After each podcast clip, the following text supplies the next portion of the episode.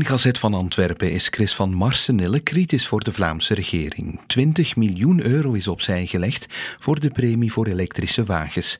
Maar op is op. Als er te weinig geld is, verlaagt de regering de premie of zal ze tegen de aanvragers zeggen: Sorry, u bent te laat. Wie verzint zoiets? de Vlaamse regering dus. Het idee kwam van de liberalen, maar N-VA en CD&V stemden ermee in. Er is intussen geen goede kant meer aan die premie.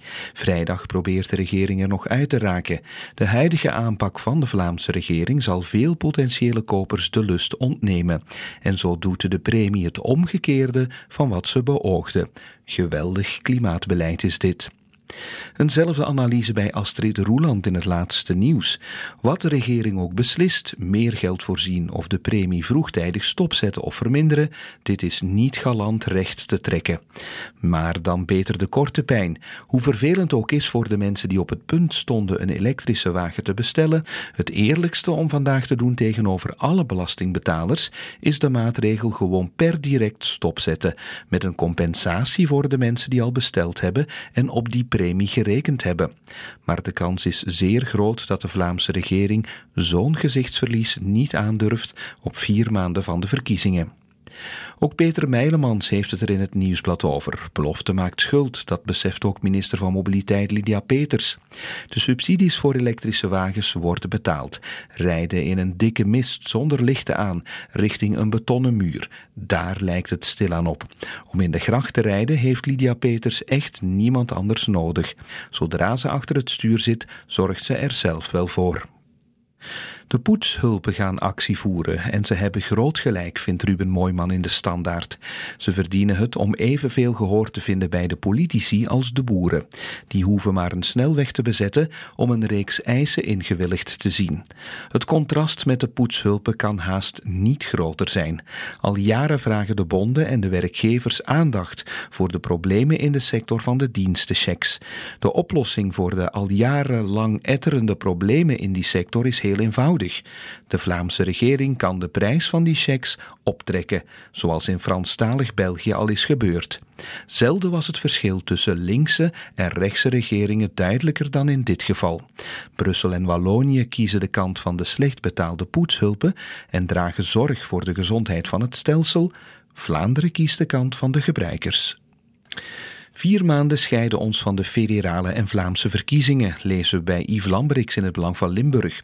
Een blik op Den Haag in Nederland voorspelt weinig goeds. Pieter Omtzigt en zijn nieuw sociaal contract schieten de formatiegesprekken in de knie. Met Omtzigts genadeschot lijkt het kabinet Wilders 1 een doodgeboren kind.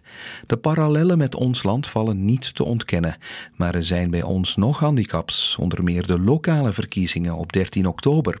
Om machtsdeelname en de scherp veilig te stellen, zullen alle kopstukken in hun woonplaats fors campagne voeren waardoor echte regeringsonderhandelingen 126 dagen de vriezer dreigen in te gaan. Voor wie er dus nog aan twijfelt, 2024 wordt een boeiend politiek jaar voor Nederland en België. De chaos in de Nederlandse formatie leest als een generale repetitie van hoe het in België na de verkiezingen van 9 juni kan lopen. En het voorspelt weinig goeds, vreest Bart Haak in de tijd. Uitgerekend Nederland had een traditie van de balans in evenwicht te houden. De verkiezingsprogramma's namelijk doorrekenen op hun haalbaarheid om te voorkomen dat luchtkastelen worden gebouwd. De chaos van deze Nederlandse formatie is deels al voor de verkiezingen gezaaid toen zowel de PVV van Wilders, de BBB van Van der Plas, als het NSC van Omtzigt weigerden hun programma te laten doorrekenen. Ze verkozen het comfort van de vaagheid en de suggestie dat een zak geld klaar stond om de kiezerscoleren af te kopen. Maar zo werkt het dus niet. Nederland toont ons wat de prijs van luchtkastelen is. Je dreigt achter te blijven met lucht en leegte. Met sociale woningbouw zou de Vlaamse regering de druk op de huurmarkt flink kunnen verminderen, schrijft Bart Eekhout in de morgen. Alleen raakt de huidige minister van Wonen, Matthias Diependalen, niet zo geboeid door een sociaal woonbeleid.